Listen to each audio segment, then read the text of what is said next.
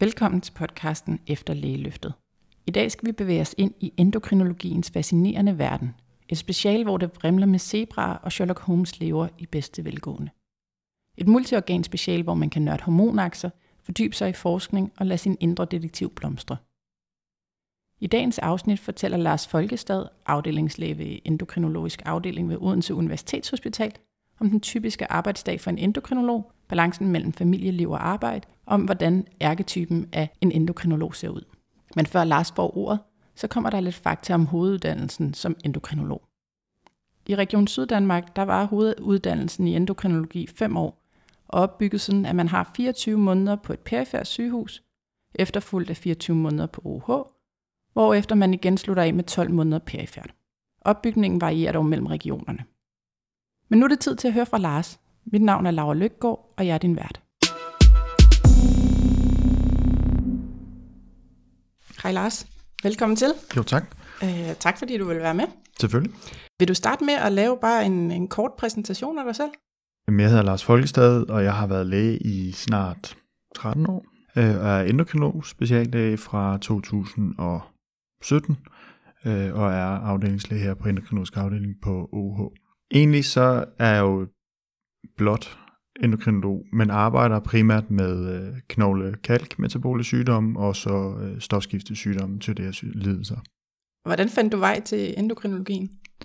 Jeg så engang sådan en YouTube-film om en mand, der cyklede på mountainbike, og han sagde, at hvis man skulle have lykke i livet, så skulle man køre ligesom vand. Uh, man skulle gå den vej, hvor der var mindst modstand, så ville man altid finde ned ad bakken. uh, og jeg har altid egentlig bare haft en tilgang til, uh, til lægelivet om, at de steder, hvor jeg fandt noget, der var spændende, så sagde jeg altid ja. Uh, og det viste sig ret hurtigt, at, uh, at jeg skulle ikke være kirurg, og jeg skulle ikke være praktiserende læge. Jeg skulle ikke arbejde med børn, og jeg vil helst heller ikke have noget med gynækologi at gøre, for jeg synes, man manglede halvdelen af, af vores befolkning. Så på den måde, så kom jeg hurtigt til at være inden for de medicinske specialer. Og øh, mødte nogle endokrinologer i Esbjerg, som øh, var øh, meget flinke, og åbnede døren for mig og sagde velkommen til. Øhm, samtidig med, at jeg har læst her i byen, så øh, har jeg også mødt mange af de professorer, som er her i afdelingen, og som gjorde ret stort indtryk på mig dengang, da jeg læste, dels med at præsentere et speciale, som, som havde mange af de ting, som jeg synes, der er, er spændende. Øh, sådan lidt Sherlock Holmes medicin, tror jeg. Det her med, at man kan, øh, man kan lave nogle ret simple øh, undersøgelser, øh, kigge på nogle blodprøver og lige pludselig vide, hvad er det så for et hormon, eller hvad er det så for en akse, hvad er det for en kirtel, vi skal kigge på, synes jeg øh, var ret interessant. Da muligheden bød sig, jamen så var det helt oplagt at søge stillingerne den vej. Nu er de her podcasts sådan bygget op, at øh, vi læser lige øh, Sundhedsstyrelsens definition af specialet op, og så må du afbryde mig, hvis der er noget, eller så kan vi lige snakke om det bagefter. Endokrinologi opfatter forebyggelse, diagnostik, behandling, pleje, palliation og rehabilitering af patienter med medfødte og erhvervet hormonelt betinget sygdom, samt sjældne medfødte enzymdefekter. Specialet varetager desuden forskning, udvikling og uddannelse inden for specialets områder. Opgaverne omfatter akut og elektiv diagnostik, behandling og pleje af patienter med benigne og maligne sygdomme. I endokrinologi er der følgende kærlige opgaver. Diabetes mellitus, knogleskørhed og forstyrrelser i kalkstofskiftet, ernæringsforstyrrelser, stofskiftesygdom, hypofyse, binyr og endokrin gonadefunktion, hormonproducerende svulster i andre organer og andre sjældne endokrinologiske sygdomme. Synes du, det lyder, lyder dækkende for, hvad I laver? Ja, det synes jeg. Det er ikke en monorgan sygdom. Altså, det er jo alle de sygdomme, som du læser op her, er jo nogen, som har øh, en, en ret bred øh, baggrund, og som har vidtrækkende konsekvenser for den enkelte. Øh, og derfor så er man øh, ikke på samme måde, som jeg synes, jeg har oplevet i andre specialer, sådan fanget i et organ. Øh, og man er nødt til at, at, at have kendskab til mange andre grene af den interne medicin, for ligesom at komme hele vejen rundt mange af de sygdomme, som vi kigger på, kan præsentere sig som andre sygdomme, som hvis ikke man har det her for øje, måske kan overse. Ja, jeg tænker også, det lægger op til, til noget tværfagligt samarbejde, siden det er et, et multiorgan Ja, helt speciale. sikkert. Altså helt sikkert, og vi er afhængige af, at man møder andre specialister, som, som netop kan hjælpe os, eller som kan identificere nogle af de problemer, som vi måske ikke selv ser. Øh, fordi patienterne sidder ikke i vores venteværelse som til en begyndelse. De starter måske deres rejse i et helt andet speciale, eller hos deres praktiserende læge. Så helt klart er, der, er det vigtigt, at man mødes øh, om patientgrupperne. Og nu står der det her med maligne sygdomme, hormonproducerende svulster i andre organer. Mm. I dækker simpelthen også hormonsessionerende maligne. Det, altså det, det synes jeg ikke. Nej, okay. Hvis jeg skal være ærlig, så synes jeg ikke, at vi har meget. Altså vi har ikke mange cancersygdomme hos os. Nej. Det er klart, at øh, de mange af de kirtler, som vi kigger på, er også områder, hvor der kan være cancersygdomme primært, men det er også steder, hvor der kan være metastaser for andre cancersygdomme. Ja. Altså, der kan være knuder i, øh, i mange øh, af, af kirtlerne, særligt binyre og hypofyse, som kan være metastaser andre steder fra. Primær cancer i øh, skjoldbruskkirtlen er jo en af de ting, som vi jo leder efter, og som vi også under tiden finder, selvom det er særdeles sjældent. Hvis man har en hurtig voksende knude på halsen for eksempel, så vil man jo typisk blive visiteret i et pakkeforløb til en halslæge primært, hvorimod at hvis man har en knude på sin hals, så er a priori sandsynligheden for, at det er noget malin, er jo meget lille. Så derfor kommer der jo rigtig mange knuder forbi os, som vi jo så laver den primære udredning for. Men finder man så, at der er tale om en cancersygdom, så foregår den operative behandling og efterbehandling på henholdsvis ørenes halsafdelingen og på onkologisk afdeling. Den onkologiske behandling ligger ikke her. Så står der det her med akut endokrinologi. Hvad er det? jeg har en kammerat, som er professor i akutmedicin, og han griner altid af mig og siger, at det er mærkeligt, at man kan kalde sig selv for en akutlæge, hvis man, har, hvis man er endokrinolog. Men øh, jeg tror, øh, altså det er jo tankegangen, det er den måde at stille diagnoserne på, og det er detektivarbejdet igen, som jo også er kendegivende for, for det, man gør i en akutmodtagelse. Men det er rigtigt, altså det er sparsomt med akutte endokrinologiske tilstande. Ja. Øh, og de tilstande, vi har, er så til gengæld øh, også ret sjældne. Øh, men, øh, men, men hvis ikke man fanger dem og ikke kender til dem, så kan det her have ret alvorlige konsekvenser for den patient, øh, der er tale om. Øh, så derfor skal man lede efter det sjældne i det hyppige, og det kan nogle gange være lidt svært for andre specialer at huske på, men også lidt svært for os at acceptere, at man ikke gør det. Det er jo derfor, der er forskellige specialer. Den strider lidt mod den der med heste og zebra. Lige præcis, ja. lige præcis. Nu skal vi høre lidt om, øh, om sådan en typisk arbejdsdag og arbejdsuge i endokrinologien. Hvordan ser det ud? Jamen, jeg har været så heldig her efter jeg startede i Odense, at jeg har kunne finansiere nogle forskningsprojekter, som ligger sig i halen af det, jeg lavede PhD om, mens jeg var i gang med min hoveduddannelse. Så jeg har en ugentlig forskningsdag, og så har jeg øh, ambulatorier de andre dage. Vi har her på UH, så har vi delt øh, vagterne i FAM mellem de syv interne medicinske specialer på nær hematologi og nefrologi, som har deres egne modtagelser. Og vi er to speciallæger her fra LGM, som øh, er en del af det vagtrul, der dækker FAM. Jeg har på papiret 20% af min tid i FAM, så det vil sige en dag til forskning, en dag til akutmedicin og tre dage til at passe øh, endokrinologiske patienter. Og der har jeg øh, ofte enten et kalkambulatorium eller et thyreambulatorium på de dage. Ja. Her hos os er det sådan, at hvis man, har, hvis man er ansat som speciallæge, så har man sine egne patienter, man har sine egne forløb, og alle ambulatorierne ser nogenlunde ens ud. Man har primærjournaloptagelser eller forundersøgelser, man har opfølgning på de patienter, man har i udredning, og så har man kronikerforløb, hvor at man følger patienterne i en periode, alt efter hvilken sygdom de kommer med. Øh, så på den måde så er ambulatorerne sådan lidt en blandet øh, bolsjebutik. Der kan være nogen, man har set rigtig mange gange, der kan være nogen, man aldrig har mødt før, eller nogen, hvor man skal finde ud af, hvorfor er det egentlig, de har det, øh, som de har det. Vores dag starter om morgenen med fælles morgenkonference, hvor vi diskuterer de nye indlagte patienter, vi har fået. Og så går vi stuegang alle sammen sammen. Og det er sådan en Region Syddanmark ting, at man går stuegang på afdelingen alle læger. Så vi møder jo lige så mange læger op, som der er patienter. Og så har vi cirka halvanden time til at gå stuegang om morgenen. Så den enkelte patient får det samme stuegang, som hvis man nu var tre til at gå stuegang hele dagen. Efter man så har gået stuegang, så går vi tilbage i vores respektive ambulatorier, som er samlet på én gang, eller på to etager, men primært på én gang, hvor vi så øh, har rigtig mange kontakter om dagen. Så når klokken bliver halv to, så har vi middagskonference.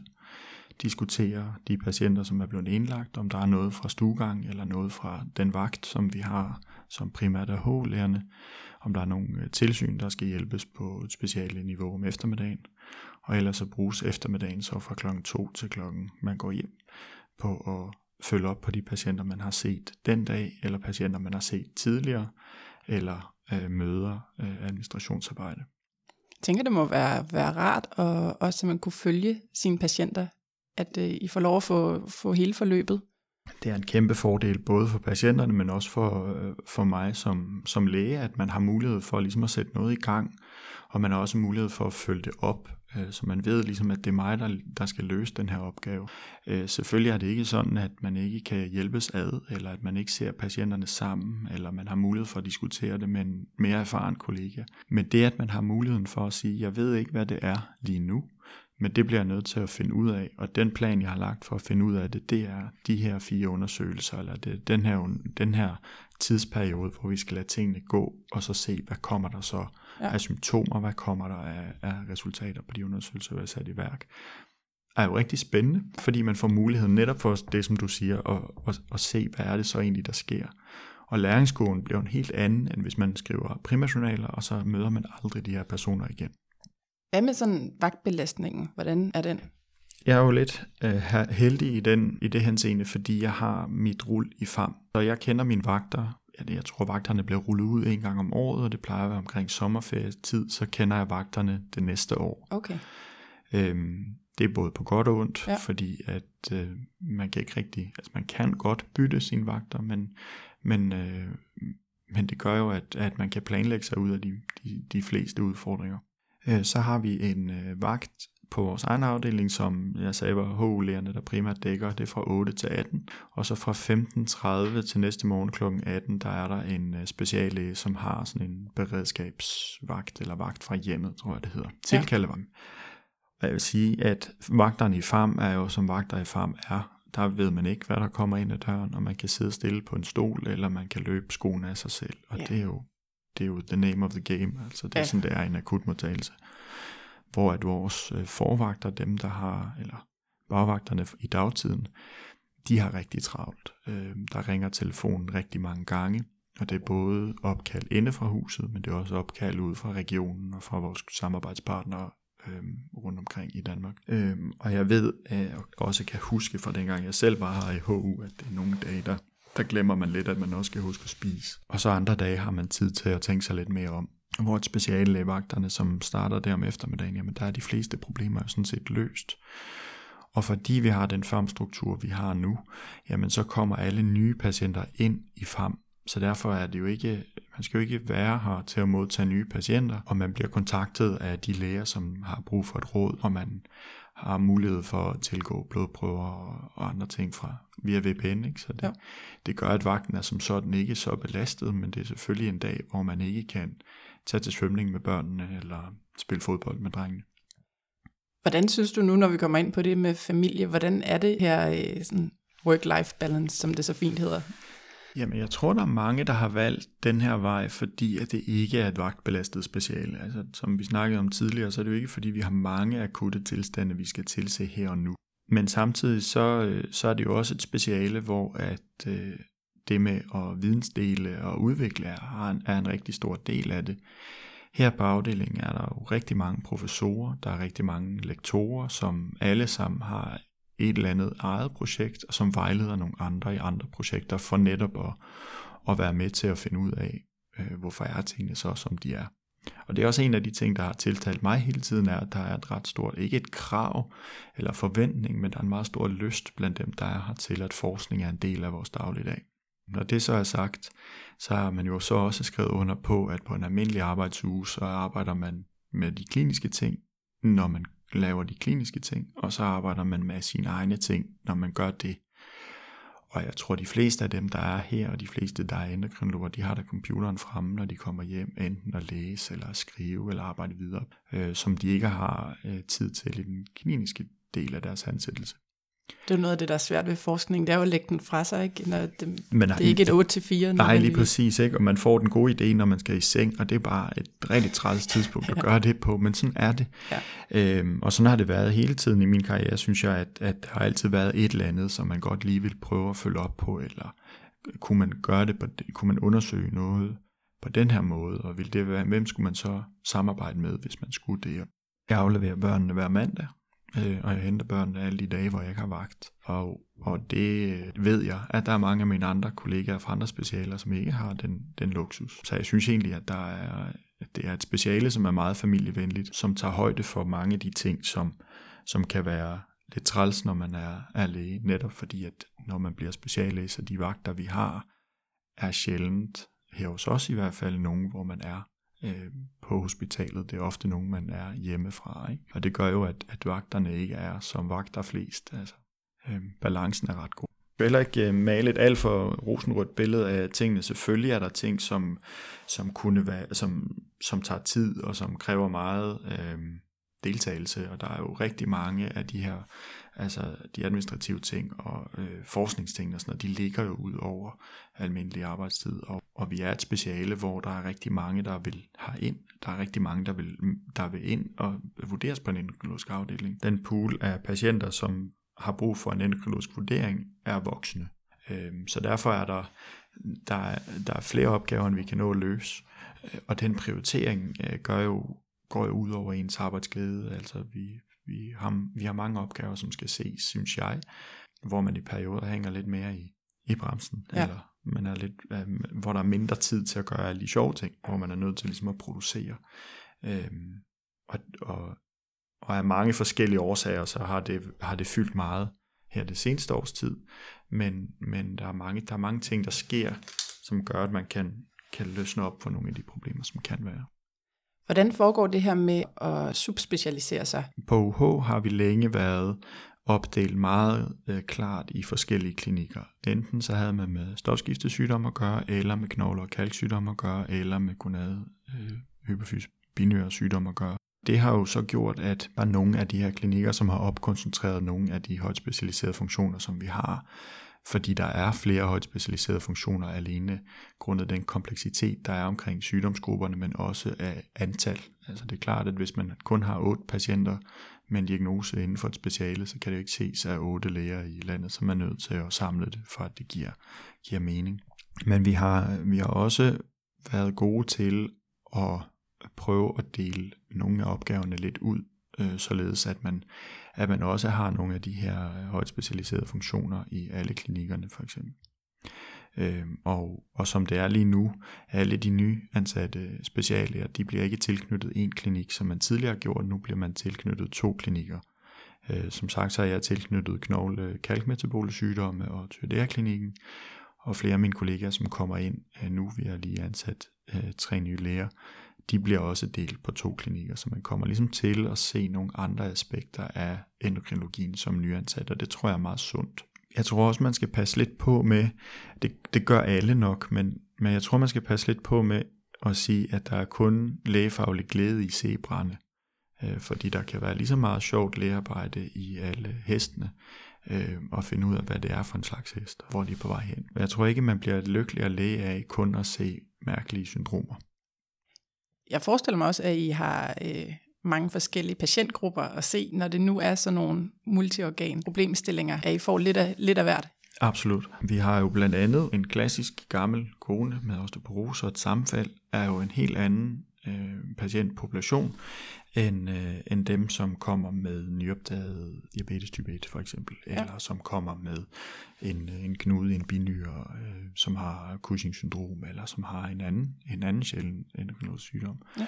Så på den måde er patienterne meget forskellige og har forskellige behov. Og det gør også, at tiden, der er afsat per patientgruppe, er ikke nødvendigvis den samme, fordi der er nogle ting, som, som er relativt lige til, øh, med de udfordringer, der er i det, hvor der er andet, der kan være langt mere komplekst. Vi har patienter, som bliver indlagt i en uge med henblik på at lave en særlig standardiseret test for at finde ud af, om de har hormonoverproduktion af den knude, vi har fundet. Ikke? Så på den måde kan man sige, at der er jo meget stor forskel på, hvad det er for en population, vi har med at gøre, hvilke undersøgelser, der skal tilbydes, og hvilke undersøgelser, der er nødvendige. de patienter, I har, er helbredelse et mål, eller er det kronikere? Det er faktisk et rigtig godt spørgsmål, fordi at hvad er det, vi gør som endokrinologer? Ikke? Man finder ud af, hvad er det for, øh, for nogle hormonsystemer, som er ude af trit? Hvad er det for nogle kirtler, som opfører sig anderledes, end de skal? Og det er jo de færreste af vores sygdomme, man bliver kureret for. Det er klart, at hvis man har en knude i sin skjoldbuskirtel, og man fjerner skjoldbuskirtelen, så er man kureret for knuderne i skjoldbuskirtelen, men så har man et andet problem, som så skal håndteres. Så derfor er, er vores primære patientgruppe er jo oftest nogen, som har et kronisk forløb. Men der kan jo være mange, som har øh, knuder eller forandringer i en af de hormonproducerende kirtler, som ikke har nogen funktion, og når man fjerner den, så har man opnået en, en øh, normalisering af, af tilstanden igen. Men de fleste af dem, der kommer hos os, har brug for opfølgning, hvis de har en endokrinologisk sygdom ja. øh, i lang tid. Så har vi også en stor del af vores butik, som handler om forebyggelse.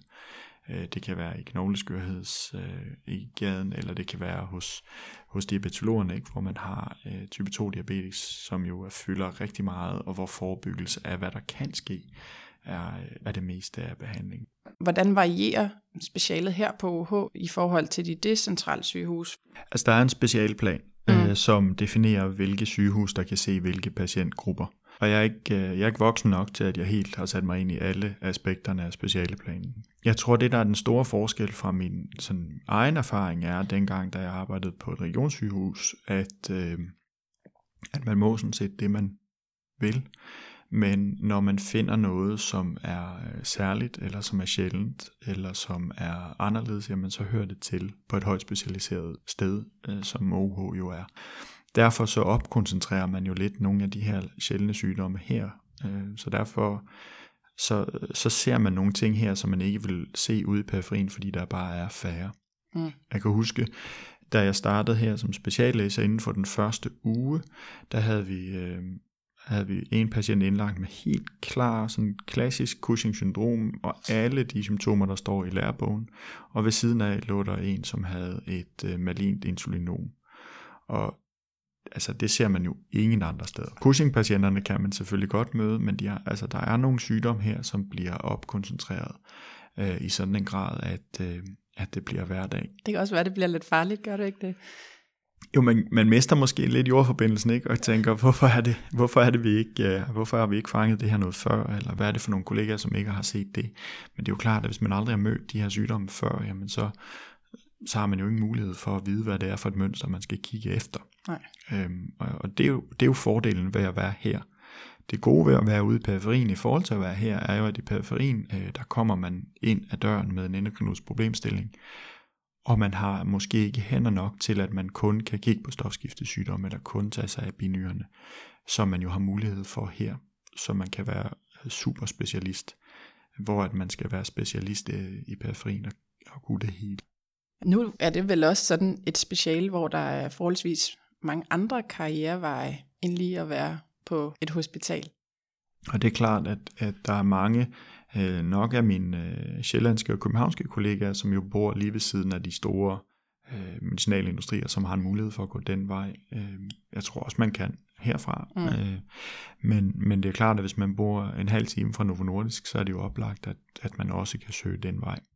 Øhm, forskningsdelen fylder meget for de fleste, øhm, men er nok næppe noget, som mange gør hele tid. Altså, det, vi er her jo alle sammen for patienternes skyld, øhm, og, øh, og det er jo det, vi synes, der er sjovt, det er jo den her kontakt med, med patienter.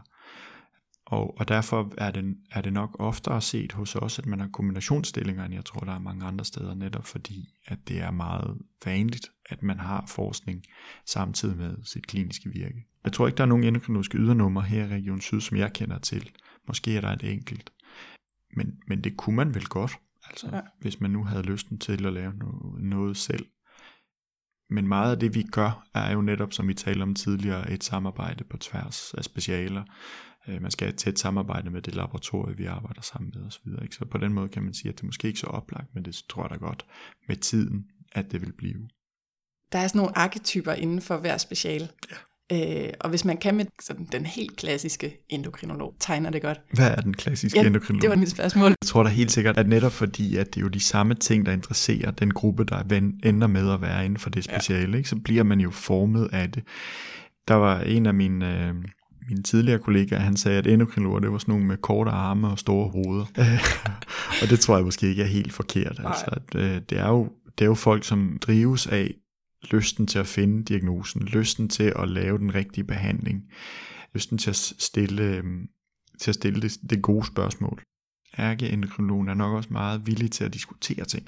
Og der er jo sjældent, der er jo sjældent et svar. Der er formentlig to, og nogle gange tre, mm. øh, der kan være mindst lige så rigtige. Og det sjove er jo regnestykket. Hvordan sætter man regnestykket op? Ja.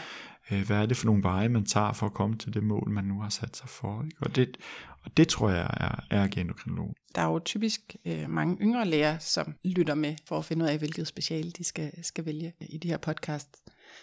Hvad, hvad står man typisk for som, som ung læge i endokrinologien? Som yngre endokrinolog er det klart, at, øh, at man skal man skal lære at skelne mellem man skal lære at skelne mellem de typiske ting og de atypiske ting.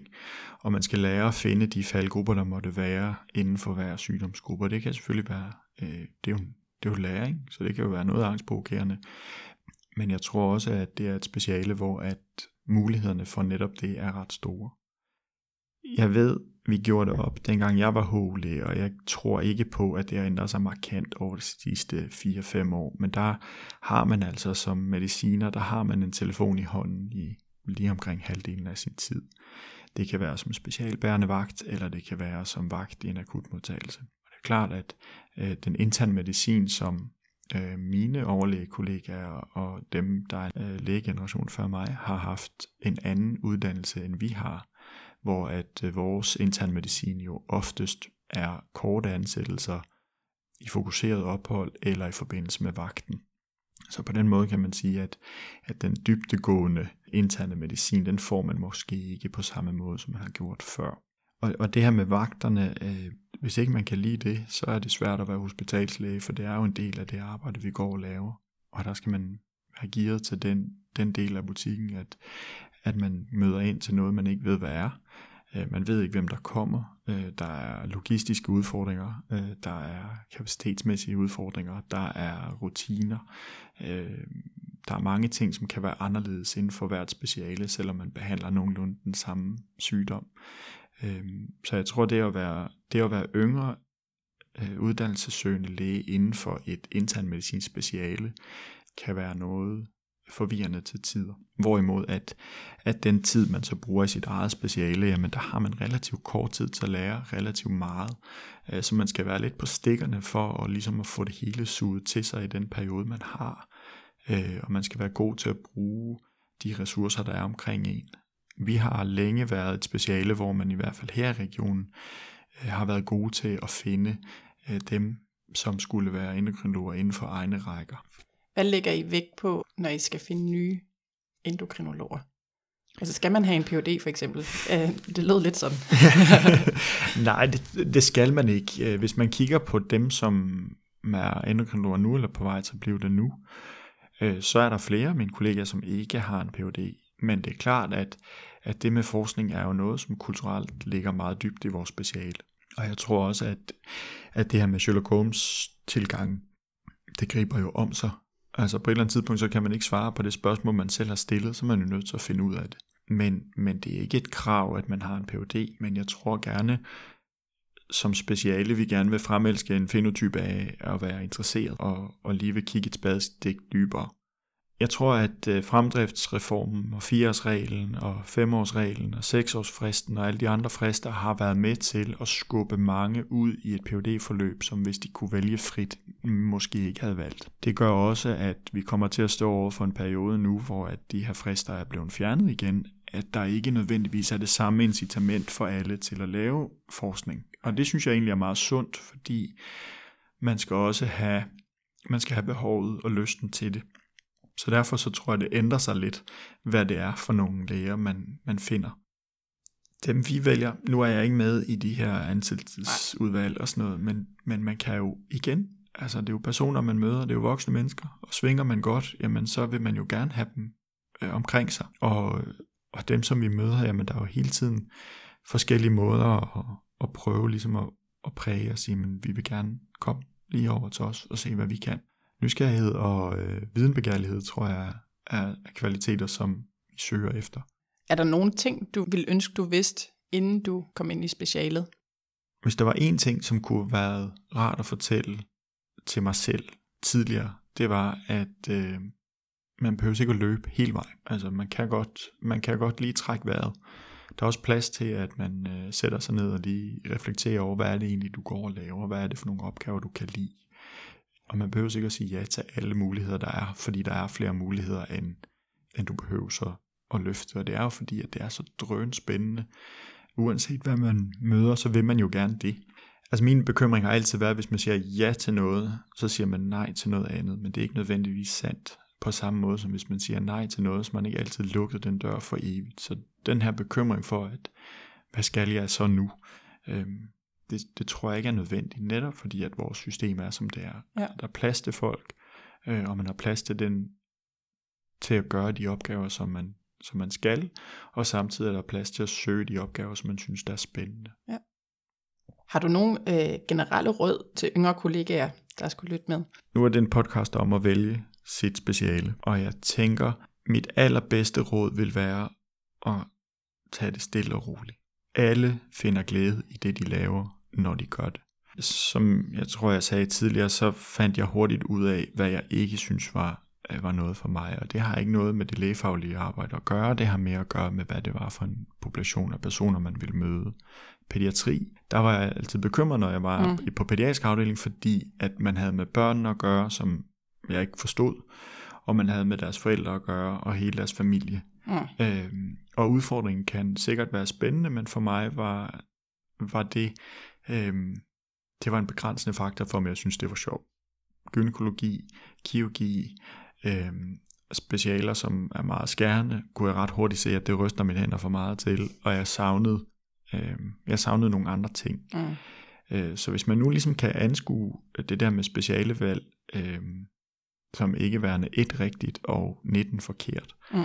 men at det er lægelivet, der er det spændende, så tror jeg, man finder en hylde, man vil passe rigtig godt på. Og på den endokrinologiske hylde er specialet så bredt og indebærer så mange forskellige ting, at man skal ikke, der er ikke to dage, der er ens. Hvad er det mest spændende ved endokrinologien? Jeg synes, det der er det mest spændende, det er den diagnostiske proces. Det er beslutning om behandling og opfølgning af den behandling, man har iværksat. Man kan ret hurtigt til en vis grad se effekterne af det, man går og laver. Man har tid til at tænke sig om, øh, og det kan jeg godt lide. Mm. Altså, og, og der ikke altid er et ja eller nej spørgsmål, og det er sjældent et spørgsmål, der skal besvares i dag, Ja. for en time siden, for nu er du allerede for sent ude. Øh, men for mig er det, er det, hvordan man kan kan øh, substituere eller blokere de hormonakser, som vi arbejder med, og se, hvordan man så kan ændre på folks psyke, Mm. og også på deres øh, fysiske form. Og det synes jeg er ret sjovt, at man har man har mulighed for at gøre, øh, man har mulighed for at, øh, at hjælpe kroppen med de ting, som de selv så har holdt op med at kunne. Det, det mest spændende med endokrinologien er det diagnostiske arbejde og behandling, og det at man har mulighed for at sub- substituere de ting, der mangler, eller blokere det, der er for meget af, og på den måde ændre øh, kroppens fysiologi. Altså, Ja. ja. Og det er, da, det er da ret sjovt. At man ved at tage en blodprøve kan sige, hvad for en knude, der er gået i stykker, Ja. og hvordan. Hvad er det værste så? Det er jo den regel, der er for alle læger og alle specialer. Det er, at vi spiller på en fodboldbane, hvor vi tror, vi kender reglerne. Mm. Men cirka en gang hver fire år, der kommer der nogle nye dommere, der fortæller os, at vi har tolket reglerne fuldstændig forkert, og nu laver de det hele om. Ja. Og hvis man har lært sig at spille 4-4-2 i fodbold, og banen lige pludselig bliver rund, og vi ikke ved, at den er rund, Ja. så er det en lille smule svært at omstille sig. Og man skal være ekstremt omstillingsparat, øh, fordi at der er rigtig mange øh, nye tiltag til forbedring. Ja. Og det er både på godt og ondt. Det sidste spørgsmål. Hvor ser du øh, specialet om 20 år? Jeg tror, at som for alle andre øh, internmedicinske specialer, vil der være en helt klar skillelinje mellem, hvad der kræver specialistvurdering på et hospital, og hvad der kræver øh, specialistrådgivning med en opfølging i egen praksis eller privatklinik. Ja. Jeg synes, øh, tegn i søen er på, at hospitalsenhederne skal være mindre, og at øh, praktiserende læger eller praktiserende speciallæger skal tage en større bid af den samlede behandling af, af vores befolkning. Derfor kan jeg godt se, at der vil være nogle ting i det endokrinologiske speciale, som vil få en mindre plads. Hvad det så betyder for os som endokrinologisk afdeling, tror jeg nok er mere øh, vores, vores øh, administrerende overlæge, han siger, at øh, man skal gøre plads til at gøre noget nyt. Altså, man skal gøre plads til at gøre noget, som, som, er behov, som behovet er nu. Mm-hmm. Øh, og det synes jeg egentlig er en ret fin måde at anskue det på. Så jeg tror ikke, der bliver mindre behov, øh, men jeg tror, der bliver et behov for andre øh, tjenester. Øh, hvor at mange af de ting, som vi måske går og gør nu, bliver placeret i, øh, det kan være i dagshospitalsenheder eller i, øh, i øh, privat praksis, øh, almen praksis eller Mm. speciallægepraksis. Men det tror jeg nu også er, er gældende for mange andre specialer, at man vil vælge nogle sygdomsgrupper ud og sige, dem kan du få behandlet et andet sted end på Ja. hospitalet.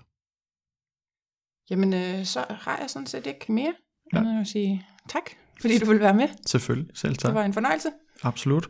Og husk, øh, man skal øh, prøve en endokrinologisk afdeling. Det synes jeg. Altså, det vil være mit sidste råd. Det er, hvis man har en intern mediciner i maven, så få en introstilling på en endokrinologisk afdeling, der hvor du bor. Prøv det. Det er ikke ligesom det står i bøgerne. Man skal ikke være så berøringsangst. Og det er et rigtig, rigtig spændende multiorgan speciale. Det var slutningen på denne uges podcast. Hvis Barnby ikke er nok til at stille din udlevede detektivdrøm, så er endokrinologien måske noget for dig. Hvis ikke, så lyt med igen næste uge, hvor vi tager et nyt special op her i Efterligeløftet. Eller gå ind på vores hjemmeside og hør de tidligere podcasts. Tak fordi du lyttede med.